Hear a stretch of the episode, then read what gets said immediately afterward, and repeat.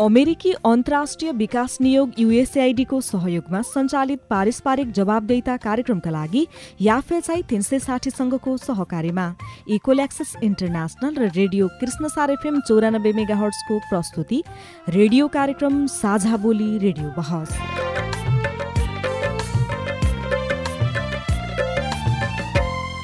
नमस्कार साझा बोली रेडियो बहसमा तपाईँलाई स्वागत छ। म हुँ माधव अधिकारी। साझा बोली रेडियो बहसमा हामी नागरिक समाज आम सञ्चार माध्यम र सार्वजनिक निकाय बीचको पारस्परिक जवाबदेहिता र आपसी दिगो सम्बन्धका विषयमा बहस गर्छौँ।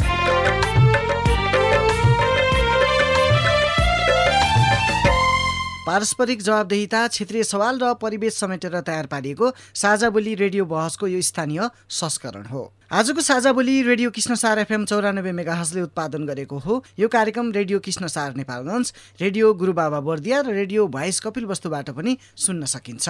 साझा बोलीका संस्करणहरू तपाईँले हरेक पन्ध्र दिन अर्थात् पाक्षिक रूपमा एकै समयमा सुन्न सक्नुहुन्छ।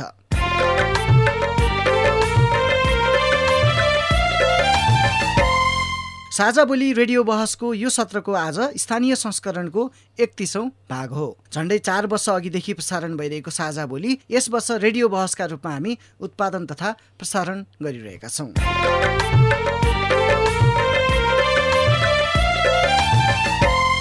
भर्खरै स्थानीय तहको निर्वाचन सकिएको छ। हरेक स्थानीय तहले नयाँ जनप्रतिनिधि पाइरहेका छन्। अब भने समुदायको थप विकास हुने कुराले नागरिकमा एक किसिमको रौनकता फेरि छाएको छ। यी अपेक्षा कति पुरा हुन्छन् त्यो हेर्न पाँच वर्ष पर्खनै पर्ने हुन्छ। आज हामी यही सन्दर्भमा रहेर छलफल गर्दैछौँ। आजको बहसमा हामी मुख्य गरी नयाँ जनप्रतिनिधिका विकासका योजना विकासका चरणमा नागरिक सहभागिता अति विपन्न तथा पछाडि पारिएका वर्गका लागि दिइनुपर्ने प्राथमिकताका सम्बन्धमा बहस गर्नेछौँ। मैले आफ्नो सङ्कल्प पत्रमा पनि यी कुरालाई अहिले समेटेको छु। शिक्षा क्षेत्रकोमा चाहिँ विशेष गरी शिक्षाको गुणस्तर बढाउने कुराहरू संस्थागत र सामाजिक विद्यालयहरूका बिचमा गरिबका बच्चाहरूले पनि सरल सहज तरिकाले स्कुलमा गुणस्तरीय शिक्षा पाउने किसिमको वातावरण सिर्जना गर्नका लागि। त्यस्तै यसै सम्बन्धमा तपाईँ सिधा प्रश्नको सिधा जवाब पनि सुन्न सक्नुहुन्छ। कामहरू चाहिँ कसरी समयमा सम्पन्न गर्नुहुन्छ र आफूले भनेका कार्यहरू गरेर देखाउन सक्नुहुन्छ कि नै भन्ने? वडा कार्यालयले एउटा गरिब तथा जेहेन्दार विद्यार्थीको लागि अक्षयकोष उच्च शिक्षा अध्ययनका लागि अक्षयकोष खडा गर्ने।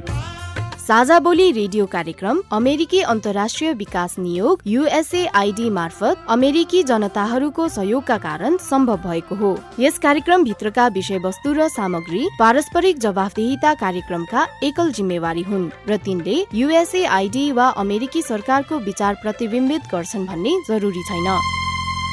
साझा बोली रेडियो बहसमा तपाईँलाई फेरि स्वागत छ। बहसका लागि आज हामीसँग उपस्थित भइसक्नु भएको छ। नेपालगञ्ज उपमहानगरपालिकाको यसअघिको पाँच वर्ष कार्यकालमा प्रवक्ता समेत भइसक्नु भएको वडा नम्बर एकबाट पुनः जननिर्वाचित वडा अध्यक्ष प्रमोद रिजाल र त्यसै गरी हामीसँग पत्रकारितामा लामो अनुभव प्राप्त गर्नुभएको लेखकको रूपमा पनि आफूलाई उभ्याइरहनुभएका पत्रकार झलक गैरे। दुवैजनालाई स्वागत छ।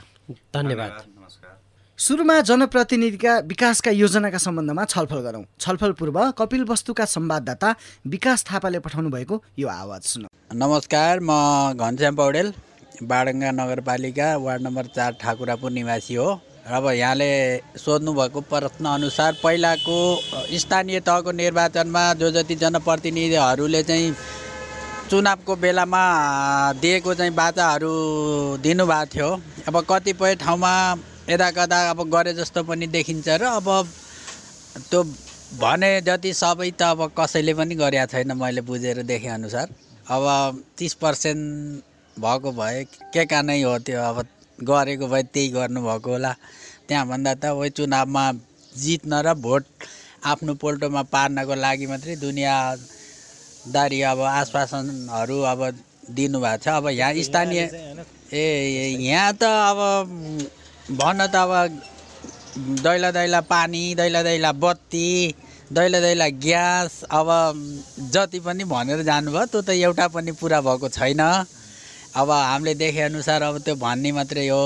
गर्न त चाहे जुनैसुकै पार्टीकोले जिते पनि चुनावको बेलामा भन्ने मात्रै नारा हो। अब मेरो नजरमा त आधा काम पनि गरे जस्तो मैले देखेको छैन। अब जति पनि फेरि यो निर्वाचनबाट जनताबाट चुनिएर जानुभएको छ अब कतिपय काम त आफ्नो नयाँ भिजनले नयाँ आइडियाले पनि गर्नुपर्ने हुन्छ र कतिपय कामहरू जस्तै कुनै काम अघिल्लो पालिकोले गर्दा गर्दै अधुरो रहेको हुन्छ भने अब त्यसलाई अर्को पार्टीकोले गरेको मैले किन गर्ने भनेर हुन्न।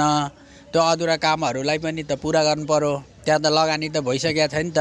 आधा जस्तो लगानी उसले गरेको छ। गर्दा गर्दै अवधि भ्याइयो छोड्यो भने त त्यसलाई त पुरा गर्नै पऱ्यो अर्को जुनै पार्टीको अर्को फेरि आए पनि र त्यसलाई पुरा गरे गरेपछि अनि आफ्नो नयाँ तरिकाले नयाँ आफ्नो भिजनले पनि नयाँ कामहरू गर्न हुने भयो। नमस्कार मेरो नाम सुमन थारू म बारगङ्गा नगरपालिका एघार चितरपुराबाट। अहिलेका जनप्रतिनिधिहरूले गरेको घोषणापत्र र पहिलाका जनप्रतिनिधिहरूले गरेको घोषणापत्रमा चाहिँ अब के फरक छ भन्न चाहिँ अब नतिजा हेर्न नै बाँकी छ किनभने पहिलाको घोषणापत्र अनुसार भन्ने भने चाहिँ समाजमा जनप्रतिनिधिहरू आउनुभयो। केही ठुला ठुला कुराहरू पनि गर्नुभयो होइन? घोषणापत्रमा चाहिँ केही ठुला ठुला कुराहरू यानि कि सपनाहरू देखाउनु भयो भने केही कामहरू चाहिँ गरेर पनि देखाउनु भयो तर अहिलेको जनप्रतिनिधिहरूले चाहिँ अब ठुला सपनाहरू पनि देखाउनु भएको छ र घोषणापत्रहरू पनि जारी गर्नु भएको छ। तर अब चाहिँ यसलाई के कसरी काम गर्नुहुन्छ होइन? कामहरू चाहिँ कसरी समयमा सम्पन्न गर्नुहुन्छ र आफूले भनेका कार्यहरू गरेर देखाउन सक्नुहुन्छ कि नै भन्ने नतिजा चाहिँ अझै हेर्न बाँकी नै छ र पहिलाको चाहिँ नतिजा केही आएको छ। कुनै ठाउँमा विकास पनि भएको छ भने अनुसार भने कुनै ठाउँमा चाहिँ अझै बाँकी नै छ विकास हुन र घोषणा गरेको कुराहरू पनि पुरा गर्न बाँकी नै रहेको छ भन्ने मलाई लाग्छ। र पक्कै पनि पहिला जुन पुरा नभएका कुराहरू छन् पहिलो घोषणापत्रमा जारी गरिएका कुराहरू समाजलाई विकास गर्ने देशलाई विकास गर्ने कुराहरू होइन? गाउँ समाजदेखि टोल छरछिमेकमा चाहिँ रोजगारीहरूको साथसाथै विभिन्न कुराहरूको घोषणापत्रहरू गर्नुभएको छ स्वास्थ्यदेखि लिएर रोजगारी भयो शिक्षाहरू भयो। यसको बारेमा चाहिँ जुन घोषणापत्रहरू गर्नुभयो र साथै विभिन्न सेवा सुविधाको बारे सपनाहरू पनि देखाउनु भयो भन्नुपर्छ होइन? सो सपनाहरूलाई चाहिँ केही समयमा केही केही पुरा भयो भने केही पुरा हुन बाँकी पनि छ र ती पुरा हुन बाँकी रहेका होइन घोषणापत्रमा पुरा हुन बाँकी रहेका कुराहरू चाहिँ अबको अबको जनप्रतिनिधिहरूले चाहिँ पुरा गर्नुहुन्छ भन्ने आशा पनि राखेको छौँ र अब चाहिँ यो काम हुन बाँकी नै छ र सायद उहाँले चाहिँ गरेर पुरा गरेरै देखाउनुहुन्छ भन्ने हाम्रो अपेक्षा पनि रहेको छ।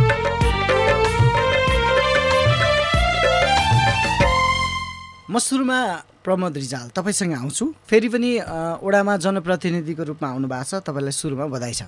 धन्यवाद। प्रमोदजी जनताले तपाईँलाई फेरि चुने है? हजुर। यति बेला जनताले जसरी निर्वाचित गरिरहेको देखिन्छ नि अलिक फरक देखिरहनु भएको छ अनुभव।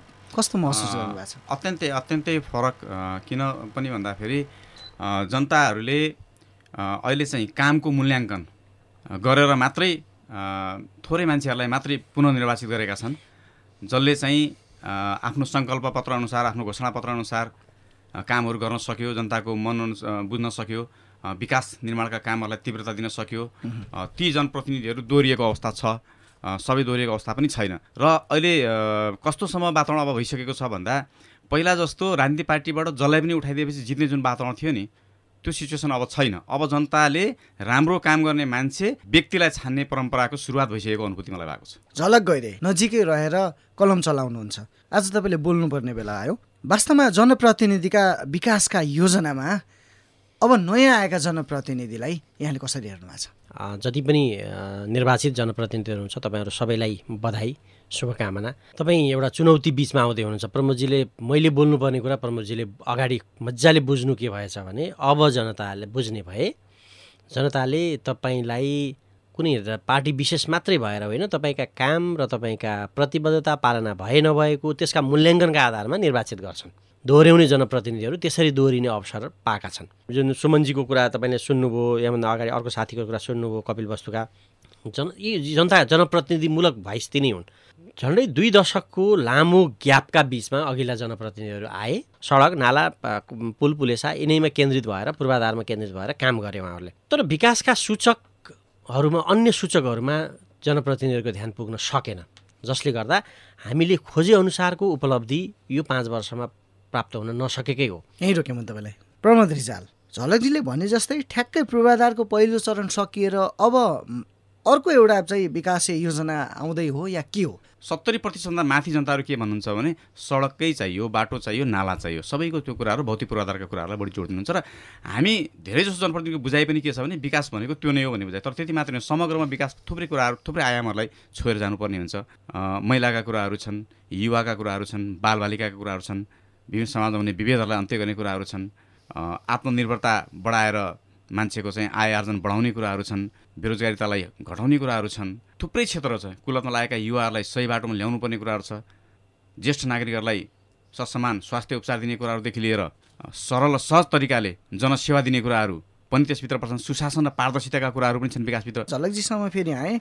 नयाँ जनप्रतिनिधिका विकासका योजना यसपालि चाहिँ के हुन् के हुनुपर्छ? धेरै सपना बाँडिएका छन्। के हुनुपर्छ भन्ने कुरा चाहिँ मलाई लाग्छ। खानाको मात्रासँगै पानीको मात्रा पनि हुनुपर्छ भने जस्तै विकासका सूचकहरूमा अन्य सूचकहरूमा काम गर्न नसक्दा हाम्रा विकासहरू सफलीभूत ढङ्गका विकास भएनन्। हाम्रा पूर्वाधार निर्माणहरूले मात्रै हामीलाई अगाडि बढाउन सकेन। विकासका सूचकहरूमा मुलुक पछाडि नै रहिरहनुको पछाडिको कारण त्यो नेपालगञ्जी सन्दर्भमा कुरा गर्नुहुन्छ भने पनि नेपालगञ्जी पूर्वाधारका क्षेत्रमा धेरै ठुलो काम गरेका छ। तर त्यसबाहेकका क्षेत्रमा जिरोभन्दा पनि हुन्छ।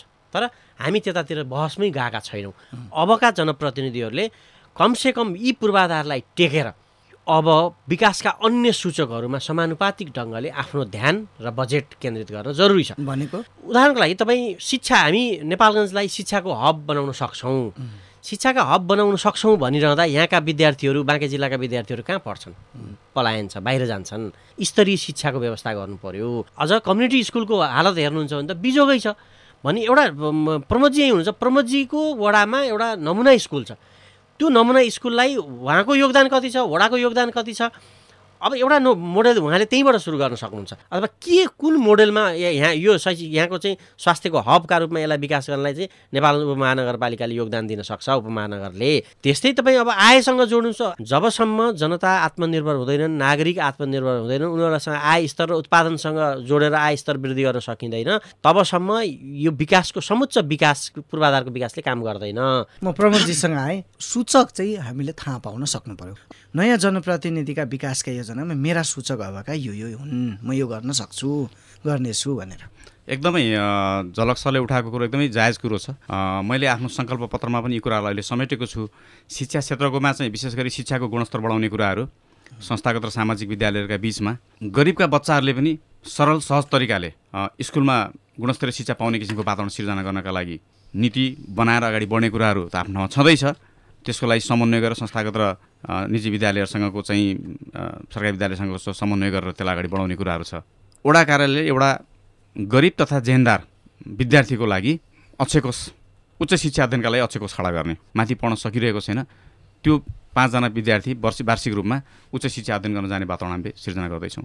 आर्थिक रूपले पछाडि परेका व्यक्तिहरूको आत्मनिर्भरता बढाउनका लागि हामी सिपमूलक तालिम तालिम मात्रै होइन तालिम सँगसँगै त्यसलाई चाहिने आवश्यक सामग्रीहरू आवश्यक रकमहरू उहाँहरूलाई दिने। र कम्तीमा पनि वार्षिक रूपमा पचासजना मान्छे हामीले भनेका छौँ। साना व्यवसायहरू गरेर उन्नति प्रगति गर्नेछन् र जसको कारणले उसको घरको समस्या टर्नेछ उसको बालबालिकाको पढाइको समस्या टर्नेछ। पचासजना विद्यार्थी भनेर भनेका छौँ हामीले। लोकसेवा आयोगको तयारी कक्षा। यो एक महिना दुई महिना होइन। अलिक त लामो। कम्तीमा पनि हामीले त्यो सुरुवात गराइसकेका लोकसेवा तयारी कक्षा सुरुवात गराइसकेका युवाहरूले लोकसेवामा नाम निकाल्नुन्जेलसम्म लोकसेवाको तयारी गर्न लगाएर लोकसेवाको परीक्षा हुनेसम्ममा चाहिँ उहाँलाई चाहिँ हामीले त्यो क्लासहरूमा चाहिँ निरन्तर तयारी कक्षाहरूमा चाहिँ सहभागी गराउने भन्ने कुराहरू गरेका छौँ। थुप्रै युवाहरू अहिले Nepal army British army Nepal प्रहरीहरूमा जागिर खाने हुनुभएको छ। हामीले खो ओपन जिम भनेर खुल्ला जिम भनेर गरेका छौँ। प्रमोदजी मैले यहाँनिर रोकेँ तपाईँलाई। तपाईँ अहिले पारस्परिक जवाबदेहिताका लागि साझा बोली रेडियो बहस सुन्दै हुनुहुन्छ। हामी कुरा गरिरहेका छौँ नयाँ जनप्रतिनिधिका विकासका योजना सम्बन्धमा। आज हामीसँग छलफलमा नेपालगञ्ज उपमहानगरपालिका वडा नम्बर एकका अहिले पुनः नयाँ निर्वाचित वडा अध्यक्षको रूपमा प्रमोद रिजाल हुनुहुन्छ। उहाँको यो दोस्रो कार्यकाल हो नेपाल पत्रकार महासङ्घ बाँकेका पूर्व अध्यक्ष पनि हुनुहुन्छ झलक गइरे हुनुहुन्छ।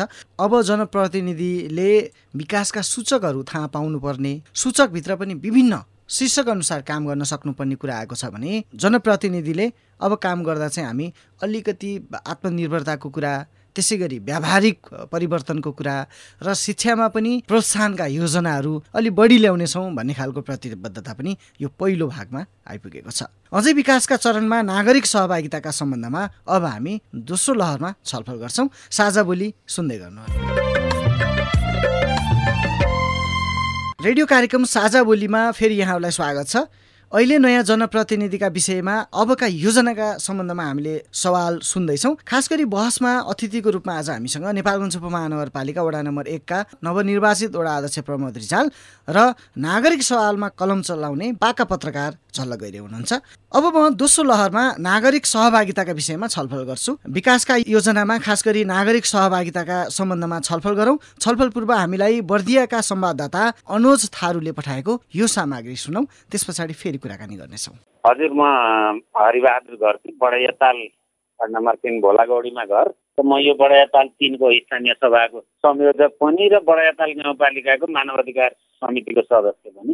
विगत पाँच वर्षदेखि यता आएर समाजमा भए गरेका विकासमा विकासको योजनाहरू छनौट गर्ने प्रक्रियामा कागजी रूपमा त लगभग पुरा गरेरै जान्छन्। तर काम गर्ने बेलामा प्रतिनिधिहरूले अलिकति आफ्नो फाइनल हेरेर हो कि के हेरेर जसरी वास्तविक जहाँ बसेर छनौट गर्नुपर्ने हो त्यो ठाउँमा नभइकन अर्को ठाउँमा जुटेर अनि आफूले जानकारी गराउँदा सजिलो हुने ठाउँ मात्रै पनि गरेको भेटियो विगत दुई वर्षदेखि।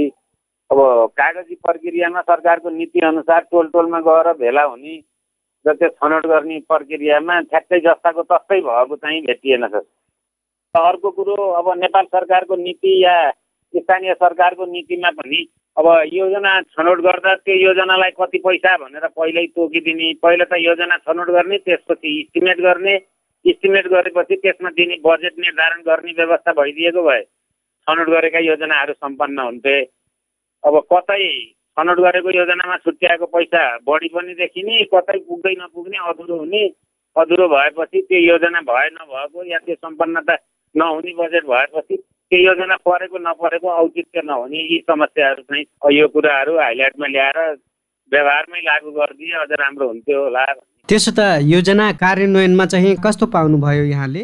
कार्यान्वयनमा पनि त्यस्तै छ सर। अब कतिपय ठाउँमा यो उपभोक्ताबाट गर्ने काम भएको हुँदा उपभोक्ता समितिलाई कतिलाई अनुभवको कमी भएको र कतिमा नियत ठिक नभएको कारणले पनि छनौट भएका योजनाहरू पनि राम्रो नभएको भन्ने चाहिँ देखिन्छ। अब त्यस्तोमा पहिला योजनामा उपभोक्ता समिति गठन गरिसकेपछि काम गर्ने प्रक्रियामा नीति र त्यो काम गर्ने तरिकामा एक दुई दिन तालिम दिएर अनि काम गराउने भए सायद अलि सुधार हुन्थ्यो कि। सबै योजना छनौट भएर यहाँबाट पठाइएको हुन्छ त्यो योजनालाई यति बजेट चाहिन्छ भनेर अनुमान गरिएको हुन्छ। वास्तविक इस्टिमेट गरेको हुन्न। त्यो अनुमान र त्यहाँको आवश्यकतालाई हेर्दाखेरि त्यो नमिलेको कारणले नि भएका योजना पनि सम्पन्न नभएको या सम्पन्न भएर पनि कार्यान्वयनमा नआएको देखिन्छ। जस्तो कि कार्यान्वयन प्रक्रियामा नागरिकको सहभागिता कस्तो पाउनुभयो?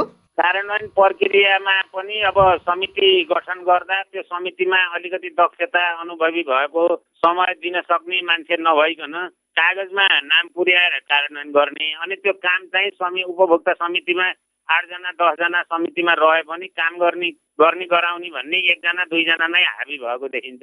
त्यसले गर्दाखेरि पनि अझ सबैको सहभागिता हुने खालको समिति बनिदिने हो भने राम्रो हुन्थ्यो होला। अब एक दुईजनाले मनोमानी गर्दा त्यहाँ जसले काम गरेको हुन्छ उसलाई समस्या परेको हुनसक्छ। तर त्यो काम गर्न नजाने समितिको मान्छेले कतै यसले आधै खायो कि भन्ने पनि त्यस्तो शङ्कास्पद भएको पनि भेटिन्छ। त्यसो त अब यसपालि नवनिर्वाचित जनप्रतिनिधिहरूलाई नागरिक सहभागिता प्राप्त गराउनको लागि कस्तो सुझाव सल्लाह अथवा तरिका बताउन चाहनुहुन्छ त? अब आगामी दिनहरूमा यसरी योजना छनौट गर्दा पहिला योजना छनौट गर्ने त्यसको लागि कति बजेट भनेर नतोक्ने। अनि आफूसँग या त्यो वडामा या त्यो क्षेत्रमा त्यस वर्षको बजेट कति हो त्यसले कुन कुन योजना प्राथमिकतामा पर्छन् या त कुन नगरी नहुने योजना हो त्यो योजनाको इस्टिमेट गरेर अनि बजेट विनियोजन गर्ने र त्यो निर्माणको लागि बन्ने उपभोक्ता समितिहरूलाई चाहिँ त्यो विषयमा अलि एक दुई दिन तालिम दिएर भए पनि उनीहरूलाई अलि दक्ष बनाएर काम लगाउने हो भने सायद राम्रो हुन्थ्यो होला। स्थानीय वडामै सरकार आइसकेपछि यो विषय सबैभन्दा अफनत्व लाग्ने विषय हो। प्रमोदजी योजना हुन्छन् कागजी प्रक्रिया हुन्छन् तथ्याङ्क चाहिँ गोप्य हुन्छ भन्ने खालको चाहिँ हामीले नागरिक आवाज सुन्यौँ। मैले सुने उहाँको कुरालाई पनि सुने। त्यो हुँदै हुँदैन भनेर म भन्दिनँ। तर जहाँसम्म हामीले गरेको कामको सन्दर्भमा नागरिकहरूसँग हामी एकदमै समन्वयमा रहेका हुन्छौँ। योजनाका चरणहरूका सन्दर्भमा टोल टोलमा गएर जसरी हामीले योजनाहरू सङ्कलन गर्छौँ एउटा प्राविधिक समस्या चाहिँ कहाँनिर छ भन्दा हाम्रो बजेट सिलिङ आउँछ पछि योजनाका चरणहरू अगाडि सिद्धिन्छन्। उहाँहरूसँग हामीले प्राथमिकरण गरेर ल्याइसकेको सन्दर्भमा त्यसपछि वडा कमिटीको बैठक बस्छ। वडा कमिटीको बैठक बसेर अब त्यसपछि हामीले कुन कुन योजनालाई गर्न सक्छौँ त? हाम्रो बजेट सिलिङ आइसकेपछि त्यो अनुसार निर्णय गर्छौँ त्यो अनुसार पछि नगरपालिकामा जान्छ नगरपालिकाबाट पास हुन्छ परिषदबाट पास हुने प्रक्रिया चाहिँ त्यही नै हो। तर उहाँले भने जस्तो धेरैजसो ठाउँमा चाहिँ कागजी प्रक्रियाबाट मात्रै पनि हुने गरेको पनि हामीले थाहा पाएका छौँ। म झलकजीसँग आएँ। सबैभन्दा असफल पाँच वर्षको कार्यकाल यही विषयका कारणले पनि अर्को पटक निर्वाचित हुन नसक्नु मौका पायो भने पनि एउटा जनप्रतिनिधि हुन नपाउनु एउटा उम्मेदवारका लागि रहन्छ। हामी त्यहाँ सहजै उहाँसँग कुराकानी गर्न पाउँदैनौँ फोन पनि रिसिभ हुँदैन। यस्ता खालका गुनासा धेरै जनप्रतिनिधिले सुन्नुपर्छ। तपाईँले यो निर्वाचनका बेला अघि प्रसङ्ग उठाउनु भएको थियो। म म विभिन्न बुथहरूमा बाँकेका करिब करिब सिक्सटी पर्सेन्ट भूगोलमै पुगेर मैले जनताका अभिमत लिने प्रयास गरेँ। जो लाइनमा लाग्नु भएको छ के का लागि आउनु भएको छ के गर्नु पऱ्यो यिनीहरूले हरेक ओपिनियनहरू लिँदाखेरि चाहिँ अधिकांशबाट सुनिएको के हो भने अब जितेका जनप्रतिनिधिले कमसेकम सबैलाई विकासमा का बजेटमा चाहिँ बजेट बाँडफाँडमा सबैलाई अपनत्व महसुस गरून्। कसले भोट दियो कसले दिएन भनेर पक्षपात नगरून्। हामी वडाध्यक्ष या मेयर उपमेयर भइसकेपछि यी सबै जनता हाम्रा हुन् भनेर व्यवहार गरून् भन्ने चाहिँ कमन भोइस थियो। त्यस कारण अब मिडियाले हेर्नुपर्ने विषय चाहिँ के हो भने वास्तवमा जनप्रतिनिधिले कसरी काम गरिरहेछन् भनेर हामीले चाहिँ उयो आवधिक निर्वाचनको विशिष्टता भनेको त पाँच पाँच वर्षमा सजाय दिने त भयो। राम्रो छ भने उसलाई पुरस्कृत गर्ने खराब गरिरहेछ भने दण्डित गर्ने। तर यो आवधिक त जनताको हातमा दिएको पावर हो। तर तपाईँ निगरानी गर्ने सवालमा त तपाईँ एभ्री सेकेन्ड निगरानी गरिरहन सक्नुहुन्छ नि त आफ्नो जनप्रतिनिधिहरूलाई। हो त्यो त्यो सवालमा चाहिँ मिडियाले अब काम गर्नुपर्छ। ऊ आफूलाई अब पाँच वर्षमा जितेर तपाईँले धेरै कार्टुनहरू पनि हेर्नुभयो होला नि। यदि यो त्यो दिन नमस्ते गर्ने त्यसपछि के गर्ने के गर्ने यी कार्टुनहरू आयो नि त किन आयो त भन्दा यो त देखिएकाको दृश्य हो नि त। कार्यविधिलाई प्र्याक्टिकल्ली गरिदिने के? जनताको सहभागितामै गर्नलाई बरु कहाँ कहाँ सच्याउनु पर्छ जस्तो योजनाका चनौट छनौट सकिने अनि बजेट सिलिङ आउने। अब त्यसलाई करेक्सन गर्नु पर्यो त्यसैको लागि त हो नि तपाईँ त्यहाँ पुर्याएको। चलकजी अब शैली परिवर्तन गर्नुपर्छ भन्ने कुरा एउटा निकाल्नु भयो भने अर्को जननिर्वाचित व्यक्तिको आफ्नो क्यालेन्डर होइन कि आम नागरिक सहभागिताको क्यालेन्डर चाहिँ चाहियो। प्रमोदजी। एकदमै एकदमै महत्त्वपूर्ण कुरा चाहिँ झलकजीले भन्नुभयो। हामीले भन्यौँ नि योजना हामीले उहाँसँग ल्याइसकेपछि सिलिङ आउन ढिलो भए तापनि सिलिङ आइसकेपछि हामी तपाईँको टोलको लागि यति बजेट विनियोजन गर्न सक्छौँ भन्ने कुरा फेरि उहाँसँग छलफल जानु जरुरी छ। जम्मा जम्मी बिस लाख रुपियाँ मात्रै बजेट विनियोग गर्न सक्छौँ भने बिस लाखभित्र हजुरले के गर्ने त पहिलो प्रश्न भने त्यहीँ सोधेर फेरि हामी त्यो अपनत्व हुन्छ। कसैले अब्जस पनि दिन पाउँदैन। माधवजी तपाईँलाई मैले यहाँनिर अलिकति एउटा जोड्न के चाहेको भने अघि प्रमोदजीले भनिरहँदाखेरि चाहिँ यो जब तपाईँ नागरिक सहभागिता हुन्छ नि सुशासनका प्रश्नहरू उठ्दाखेरि चाहिँ नागरिकले नै प्रतिवाद गर्छन् कि होइन यहाँ त हाम्रो जनप्रतिनिधित्व गर्न खोजे अब बजेट थिएन। मेरै टोलमा आधा बाटो। सय मिटर बाटो दुई सय मिटरको ठाउँमा सय मिटर बाटो बन्यो। बिचमा बाँकी चाहिँ उस्तै अल्पत्र अवस्थामा छोडिएपछि त्यहाँ मान्छेहरूले सोधे यो के तमासा गरे होला? यो चाहिँ पक्कै यहाँ भ्रष्टाचार भयो। यो पुगेन बजेट यस्ता कुरा।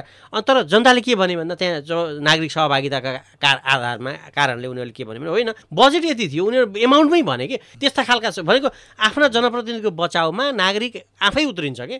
जब तपाईँ नागरिक सहभागितामा विकासका योजनाहरू अगाडि बढाउनु मैले झलकीलाई जोड दिएँ थोरै। यसमा के जोड दिएँ जस्तो माथिबाट नेपाल सरकारले जुन बजेट पठाउँछ नि सशर्त भनेर पठाउँछ क्या एउटा बजेट। उसले उहीँबाट तोकेर सशर्त भनेर बजेट पठाउँछ त्यो बजेट त्यो शीर्षकभन्दा अन्त खर्च गर्न पाइँदैन। भनेर पो आउनु पर्यो त्यो डल्लो बजेट पनि हुन्छ नि त। आवश्यकता अनुसार खर्च गर्ने। त्यसको चर्चा कम हुन्छ।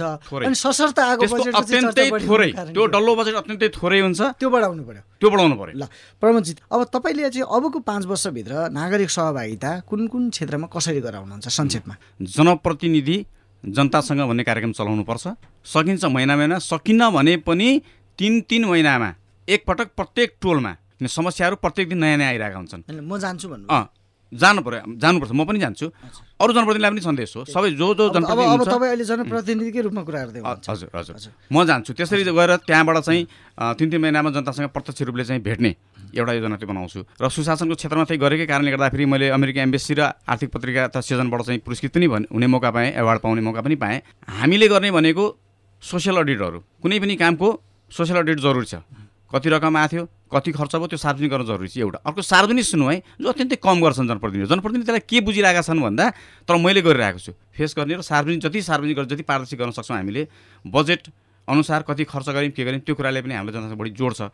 त्यो कुराहरू पनि म निरन्तर रूपले हाम्रो नीति नियमले वर्षमा दुई पटक भन्छ। अझ बढी पटक गर्न सकिन्छ अझ बढी पटक गर्ने तिन तिनै पटक गर्दा पनि फरक पर्दैन। त्यो कुराहरू जोड्ने कुराहरू विभिन्न माध्यमबाट नागरिकका कुरा सुन्ने र नागरिकसँग सँगै हामीले आफ्नो वडाको एउटा वेबसाइट बनाएपछि त्यो त्यहाँ उसमा उनी उहाँहरूको आउने कुराहरू हामीले राख्ने कुराहरूलाई जोड्यौँ भने त्यो जोडिँदै जान्छ भन्ने कुरा हस् प्रमोदजी अत्यन्त राम्रो कुरा व्यक्त गर्नुभएको छ र तपाईँको कुरा धेरै नागरिकले सुनिरहनु भएको छ र तपाईँ आफैले तपाईँलाई मतदान गर्ने नागरिकलाई पनि यो कुराहरूको प्रत्याभूति दिँदै हुनुहुन्छ।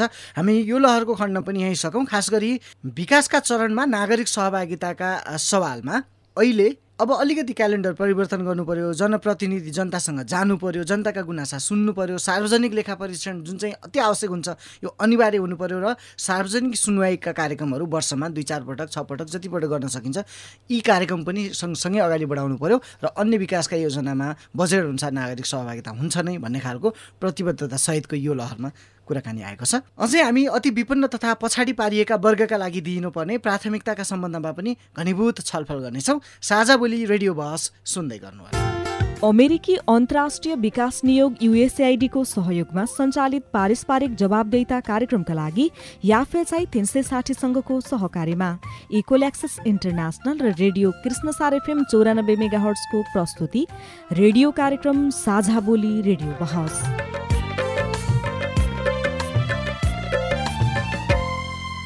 साझा बोली रेडियो बहसमा तपाईँलाई फेरि स्वागत छ।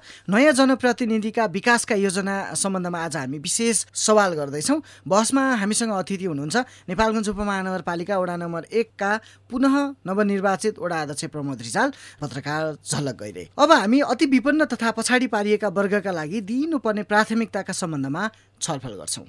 छलफल पूर्व बाँकेका संवाददाता रजनी योगीले पठाउनु भएको यो सामग्री सुनौ त्यसपछि फेरि कुराकानी नमस्कार म प्रकाश यहाँभन्दा पाँच वर्ष पहिलाका जनप्रतिनिधि जनप्रतिनिधिहरूले बाटोघाटो भौतिक भौतिक संरचना मात्र विकासको बाटो देख्नुभयो भने अबका जुन नयाँ प्रतिनिधिहरू हुनुहुन्छ उहाँले चाहिँ सम्पूर्ण भौतिक संरचना बाटोघाटो लगायतका सम्पूर्ण विकास कार्य लगायत सँगसँगै जो हरेक वर्ग समुदाय क्षेत्रदेखि लगेर सम्पूर्ण नेपालमा रहेका दलित जनजाति बाहुन छेत्री सबैको विकास सँगसँगै नेपालमा रहेका अति गरिबदेखि लगेर धनी वर्गहरूसम्मको एउटै रेखामा ल्याउन सक्ने सम्मको विकास गरून्। उनीहरूलाई शिक्षा स्वास्थ्य रोजगार खानेपानीको सम्पूर्ण त्यस्तै विकास होस् भन्ने मेरो आशा छ र उहाँलाई आग्रह पनि यही छ। प्रमोदजी।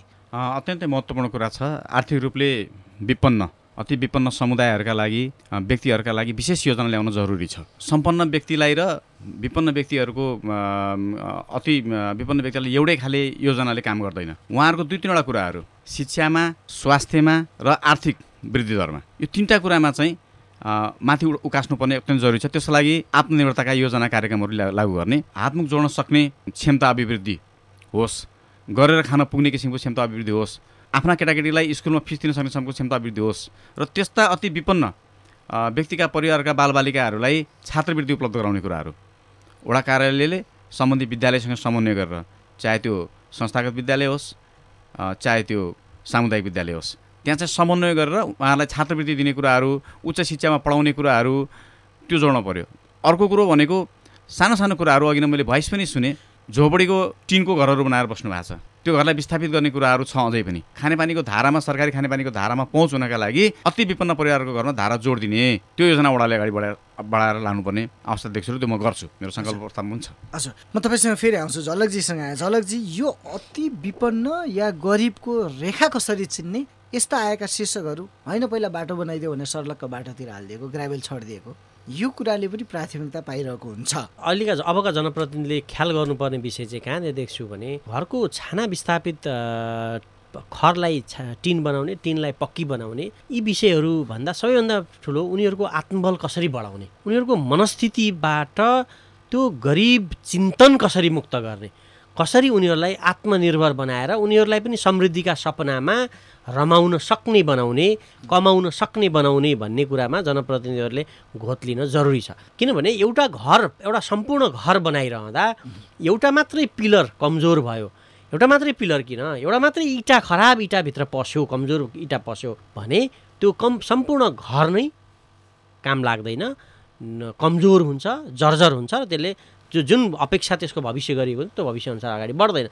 ठिक त्यसै गरी हाम्रो समाज पनि त्यसै गरी बनेको हुन्छ। यी यी पिलरहरू कम्पोनेन्टहरू हुन् सोसाइटीका कम्पोनेन्टहरूमा कुनै एउटा कम्पोनेन्ट कमजोर भयो भने त्यसले सिङ्गो समाजलाई प्रभाव पारिरहेको हुन्छ। त्यस कारणले नै सकारात्मक विभेद भन्ने शब्द प्रयोगमा ल्याइएको हो।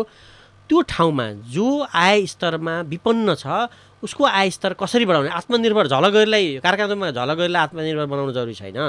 त्यहाँ अर्को कुनै एकजना युवा होला जसलाई चाहिँ उसलाई आत्मनिर्भर बनाउनु जरुरी छ। त्यहीँनिर तर बजेट वडाको बजेट चाहिँ बराबर पाउनुपर्छ भनेर झलकलाई पनि दिने उसलाई पनि दियो भने त उसले त्यो विकास गर्न सक्दैन। त्यस कारणले जातीय मात्रै हेरेर भएन क्षेत्रीय मात्रै हेरेर भएन हामीले वर्गीय ढङ्गले यसलाई हल गर्न सक्नुपर्छ। त्यो वर्गीय विधि पनि अब झन् किन यो अहिले सबैभन्दा नजिकका सरकार भनेका सरकारका प्रतिनिधि हुने अहिलेका जनप्रतिनिधिहरू स्थानीय तहले निर्वाचित गरेका जनप्रतिनिधि त हरेक टोल मोहल्लाको खबर छ हरेक घर बस्तीको खबर छ। त्यस कारणले पनि उहाँहरू मार्फत धेरै बजेट चाहिँ खर्च गर्ने नीति सरकारले अघि सार्यो। भलै यसको कार्यान्वयनमा अझै पनि जटिलताहरू छन्। अघि प्रमोदजीले भनिहाल्नुभयो बजेट माथिबाट पठाइदिन्छ सशर्त अनुदान भन्छ अनि जहाँ पाए त्यहीँ बजेट खर्च गर्नुपर्ने हुन्छ। न खर्च नगरे फिर्ता जान्छ अनि खर्च गरिदिउँ न त। त्यो खर्च गरिदिउँ न त भनेर गरेको बजेटले कहाँबाट विकास गर्छ कि? किन अनि फेरि अर्को बुझाइ के भने आम जनताको बुझाइ पनि नागरिकको बुझाइ पनि के भयो भने यो पैसा चाहिँ सरकारको पैसा भन्ने छ कि सरकारको होइन कि? यो हाम्रो पैसा हो तपाईँको पैसा हो तपाईँको टोलको अगाडि बनिरहेको नाला तपाईँको पैसाले बन्या हो। यहाँ शासकले पनि के ठान्ने भयो भने वडाध्यक्ष या जनप्रतिनिधिहरूले पनि के ठान्ने भयो भने मैले गरिदिएको छु। अनि त्यही ठिक त्यही भाषामा फेरि नागरिकले पनि आफ्नो उत्तरदायित्व र जिम्मेवारी नबुझेर के भन्यो भने गरिदिएको छ सरकारले गरिदिएको छ। होइन नि। हामी हाम्रो सम्पत्तिमा उहाँ त म्यानेजर हो एक हिसाबले भनियो भने। प्रमोदजी तपाईँले अघि भनेको कुराहरू व्यावहारिक तह परिवर्तन गर्नलाई चुनौती त छ नै। चुनौती भए पनि यो गर्न सकिन्छ भनेर नै तपाईँले जनताबाट मत पाउनु भएको छ। तपाईँले सबैभन्दा बढी गरिबीको रेखामुनि भएका नागरिक तपाईँको टोलमा क्षेत्रमा कहाँ छन् भन्ने कुरा नि तपाईँलाई सबैभन्दा बढी थाहा छ किनकि तपाईँ मत माग्दा त्यहाँ पनि पुग्नु भएको छ। हजुर। अब यो व्यवहारमा कसरी ल्याउनुहुन्छ? यो त्यति गाह्रो छैन। जति मान्छेले यसलाई चुनौतीको रूपमा सरल छ। तथ्याङ्क हामीसँग छ। आर्थिक अवस्थालाई माथि उठाउने कुरो प्रमुख छ। उनीहरूको आत्मनिर्भरता परनिर्भरतालाई हटाएर आत्मनिर्भरता बढाउने कुराहरू। सधैँ म गरिब छु भन्ने सधैँ मलाई राहत चाहियो भन्ने त्यो मानसिकताबाट उसलाई माथि उठाउनको लागि उसको आय स्रोतको दैनिक आय स्रोतको वातावरण सिर्जना गरिदिनुपर्छ। त्यो कुरा कसरी गर्न सकिन्छ त्यो भनेको हामीले उहाँलाई सिप सिकाउने कुराहरू हो। उहाँलाई केही चाहिँ सहयोग फन्ड दिने कुराहरू हो। उहाँलाई सानो व्यवसायहरूमा सानो व्यवसाय उद्यमीसित सिकाएर उहाँहरूलाई चाहिँ माथि उकास्ने हो। उहाँ त्यो व्यवसायबाट माथि उठ्ने वातावरण सृजना गरिदिने हो उहाँले उत्पादन गरेका चिल्ला चिया बजारमा पुर्याइदिने कुराहरू जोड्ने हो। यो सबै कुराहरू गर्न सकेर उहाँलाई आत्मनिर्भर बनाउन सकियो भने एउटा ठुलो समस्या के टर्छ भन्दा उहाँले चाहिँ सधैँ मागेर खानुपर्ने सधैँ चाहिँ गरिबै छु भनेर भनिराख्नुपर्ने कुराबाट चाहिँ माथि उठ्न सक्नुहुन्छ झलकजी सबै जनप्रतिनिधिलाई सम्झेर यसै गर्न सकिएला यो विषयमा भन्ने कति विश्वास गर्नुहुन्छ? गजबले सकिन्छ चाह्यो भने एउटा व्यक्तिले चाह्यो भने यति धेरै परिवर्तन गर्न सक्छ नि। तर यहाँ ती जनप्रतिनिधिहरूले यसलाई जिम्मेवारीको रूपमा बुझ्छन् या जागिरको रूपमा भन्ने हो कि? जागिरको रूपमा जबसम्म बुझ्छ नि जनप्रतिनिधिले यो मेरो पाँच वर्ष कार्यकाल हो जागिर हो।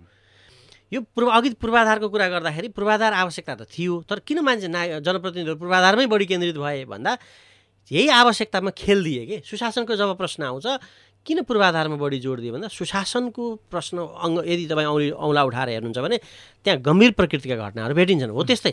यो अब के हुने भयो भने अहिले त झन् पछिल्लो यो निर्वाचन त तपाईँ कस्तो भयो भने पुरै पैसाको खेल भयो। अब यो पैसाको खेलमा जो जनप्रतिनिधिहरू पर्नुभयो नि र जित्नुभयो या हार्नुभयो नि उहाँहरूले त यो पाँच वर्षलाई त कसरी अरू कुरातिर ध्यान दिनुहुन्छ कि? अब त झन् खतरनाक पोजिसनमा गइसकेका छौँ हामी यो यो विषयमा चाहिँ अझ अर्को छलफलमा चाहिँ जरुरी छ सुशासनको एङ्गलबाट प्रश्न किनभने यो बजेट खर्च गरेर चुनाव जित्ने अब बजेट कसरी असुल्छन् भनेर नागरिक सवाल त अहिलेदेखि छ नि। हो त्यही भएर माधवजी तपाईँको प्रश्नमा कहाँनिर भने अब कसरी सकिन्छ भन्ने कुरा उहाँसँग तथ्याङ्क छ। त्यो तथ्याङ्कमा गएर त्यो पनि फेरि मसिन बाँडिदिने हो भने मसिन हामी हेर्नु सबभन्दा खराब त हामी छौँ। फेरि यही यही उपज हो नि त यही समाजका उपज हो नि ती जनप्रतिनिधि त। तपाईँले आय स्तर वृद्धिका लागि भनेर वडाबाट लिएको मसिन सिलाइ कटाइ मसिन लगेर थन्काइदिनुहुन्छ। अनि अर्को मसिनको आश गर्नुहुन्छ। अब तपाईँलाई चाउमिन मसिन चाहिन्छ। त्यो पनि थन्काइदिनुहुन्छ। हेर्नुहोस् चाहिने त यहाँ डन्डा बर्साउनु पर्छ कहिले काहीँ चाहिँ जुरुङ्ग लाग्छ कि सबै हेर किन देखिया छ कि व्यतिथि? यति धेरै व्यतिथि दिएछ।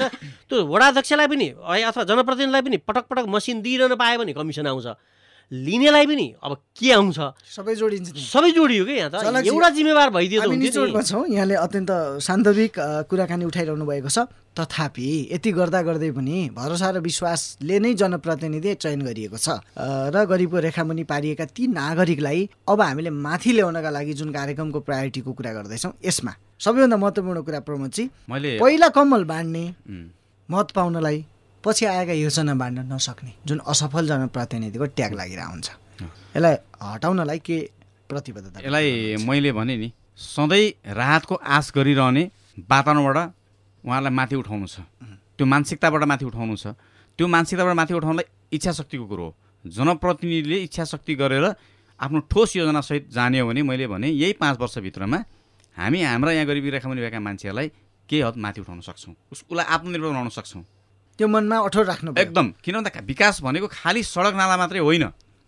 हामीले एक वर्षमा दसजनालाई मात्रै पनि स्वरोजगारको व्यवस्था गर्न सक्यौँ आत्मनिर्भर बनाउन सक्यौँ भने त्यो ठुलो उपलब्धि हुनेछ।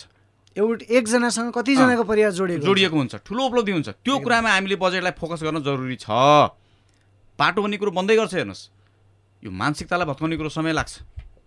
बाटो जति पनि बनाउन सकिन्छ। त्यो कुरालाई हामीले र आर्थिक वृद्धि गर्न पनि समय लाग्छ। तसर्थ हामीले महत्त्वपूर्ण जोड दिनुपर्ने कुरा भनेको त्यो। मान्छेलाई गरिबीको रेखाबाट माथि उठायौँ भने मान्छे सुखी हुनु पऱ्यो के? उसको ओठमा हाँसो हुनु पऱ्यो त्यो नै विकास हो त्यो नै समृद्धि हो त्यो नै सबैभन्दा महत्त्वपूर्ण। साझा बोलीमा अहिले हामीले छलफल गरिरहेको भर्खरै छलफल गरेको विषयबाट खास गरी शिक्षा स्वास्थ्य रोजगार र अन्य यस्तै शीर्षकहरूमा चाहिँ अति विपन्न तथा गरिबको रेखामुनि रहेका ती नागरिकहरूलाई माथिसम्म ल्याउनका लागि सम्पन्न गर्नका लागि आत्मनिर्भर गर्नका लागि उहाँहरूलाई सिप सिकाउने कुराहरू बजेट दिने कुराहरू र लगानी गर्ने कुराहरूमा चाहिँ पहिलो प्राथमिकता हुनुपर्छ र यो हुन्छ भन्ने खालको कुरा आयो।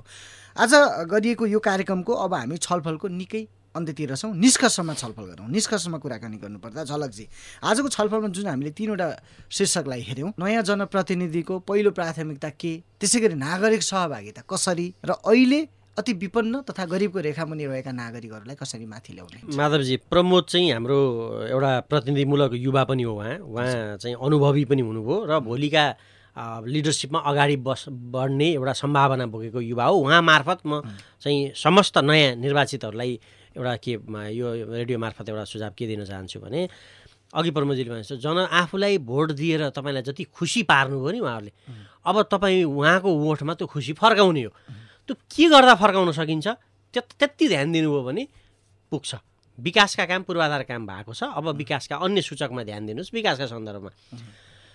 तपाईँको दोस्रो सहभागिता नागरिक सहभागिताको सवालमा नागरिक सहभागिता त अपरिहार्य शर्त हो। यहाँ त किन्तु परन्तु हुँदै हुँदैन यी बट नो त्यो गर्ने कुरै पाइँदै पाइँदैन। त्यसमा खालि हामी अब डन्डा लगाउने भने हामी भने मिडियाले चाहिँ निगरानी गर्न जरुरी छ। नागरिक समाजका तर्फबाट पनि निगरानी हुनुपर्छ। यो तपाईँले सचेतनाको चाहिँ बिल्कुल डन्डा भन्नुभएको छ बिल्कुल बिल्कुल खबरदारी। फेरि खबरदारी खबरदारी। फेरि डन्डा भन्दा फेरि अर्को जाला होइन? खबरदारी कुरा हो। तेस्रो विषय भनेको चाहिँ पछाडि पारिएका सीमान्तकृत वर्गहरूलाई उठाउने कुरामा चाहिँ प्रमोदजीलाई नि म भन्छु तपाईँ मोडेल बन्नुहोस् नमुना बन्नुहोस् तपाईँ मार्फत यो विषय बाहिर जाओस् कि सकिँदो रहेछ त गरे त सकिँदो रहेछ त भन्ने उदाहरणीय तपाईँ बन्न सक्नुहुन्छ जुन कुरो उहाँले प्रयत्न पनि उहाँले भने जस्तै हो तत्कालै पहल गर्न सकिने विषय? एकदमै एकदमै सकिन्छ। दुईवटा तिनवटा कुराहरू जुन जनप्रतिनिधिले गर्नै पर्ने महत्त्वपूर्ण कुरा उहाँले जुन सुझावको रूपमा राख्नु भएको छ नागरिकसँग निरन्तर संवाद नागरिकसँग निरन्तर सहकार्य नागरिकसँग निरन्तर रूपमा सम्पर्कमा जान जनप्रति एकदम जरुरी छ। त्यो पहिलो प्राथमिकताको रूपमा रहन्छ। तपाईँ जनप्रतिनिधि हो हजुर हजुर एकदमै। जान्छु भनेर कुरा जान्छु। गर्नु अँ, तपाईँले जान्छु भनेर कुरा गर्नु उहाँको सुझाव जान जरुरी छ। त्यो सुझाव अनुसार म जान तयार छु म जान्छु। किन भन्दा म पहिला पनि हिजो पनि गएँ आज पनि जान्छु सदैव गइरहन्छु। दोस्रो कुरो भनेको तथ्याङ्क अनुसार ती गरिबीको रेखामुनि रहेका व्यक्तिहरूसँग सम्पर्क राखेर उहाँको कुन सिपमा इन्ट्रेस्ट छ? उहाँको त्यो भावना पनि बुझ्न पऱ्यो त्यो खाले सिप दिनु पऱ्यो उहाँको इच्छा एउटा खाले कुरा होला एउटा सिपमा। हामीले अर्को सिप मात्रै गर्दै पनि भएन। ती मान्छेलाई राखेर के चिज तपाईँहरू गर्न सक्नुहुन्छ आफ्नो आर्थिक उन्नतिको लागि हामीले सहयोग गऱ्यौँ भने उहाँहरूको राय लिएर त्यो अनुसार चाहिँ हामीले योजना बनाएर दोस्रो त्यसरी जानुपर्छ र म त्यसरी जान्छु। तेस्रो कुरो भनेको सुशासन। अत्यन्तै जरुरी कुरो चाहिँ हामीले गरेको काम हामीले जनता समक्ष लानै पर्छ पारदर्शी रूपले। त्यही हो नागरिक सहभागिता। त्यही हो नागरिकता सहभागिता। त्यो गर्न जरुरी छ त्यो म गर्छु गर्दै आएको छु र गर्छु पनि। झलकजी विश्वास कति गर्न सकिन्छ? होइन विश्वास गर्नुपर्छ। ऊ अरू उपाय नै छैन। विश्वास भएन भने पाँच वर्षपछि तान्ने हो। आवधिक निर्वाचनको विशेषता नै त्यही हो। लोकतन्त्रको सुन्दर पक्ष पनि त्यही हो। हस् आजको साझा बोलीको छलफल यहाँनिर टुङ्ग्यौँ आज हामीले खास गरी साझा बोलीमा नयाँ जनप्रतिनिधि आएपछिका विकासका योजना नागरिक सहभागिता र अति विपन्न तथा गरिबको रेखामुनि रहेका नागरिकहरूका का लागि कस्ता कार्यक्रम? यसै विषयमा विशेष कुराकानी गऱ्यौँ।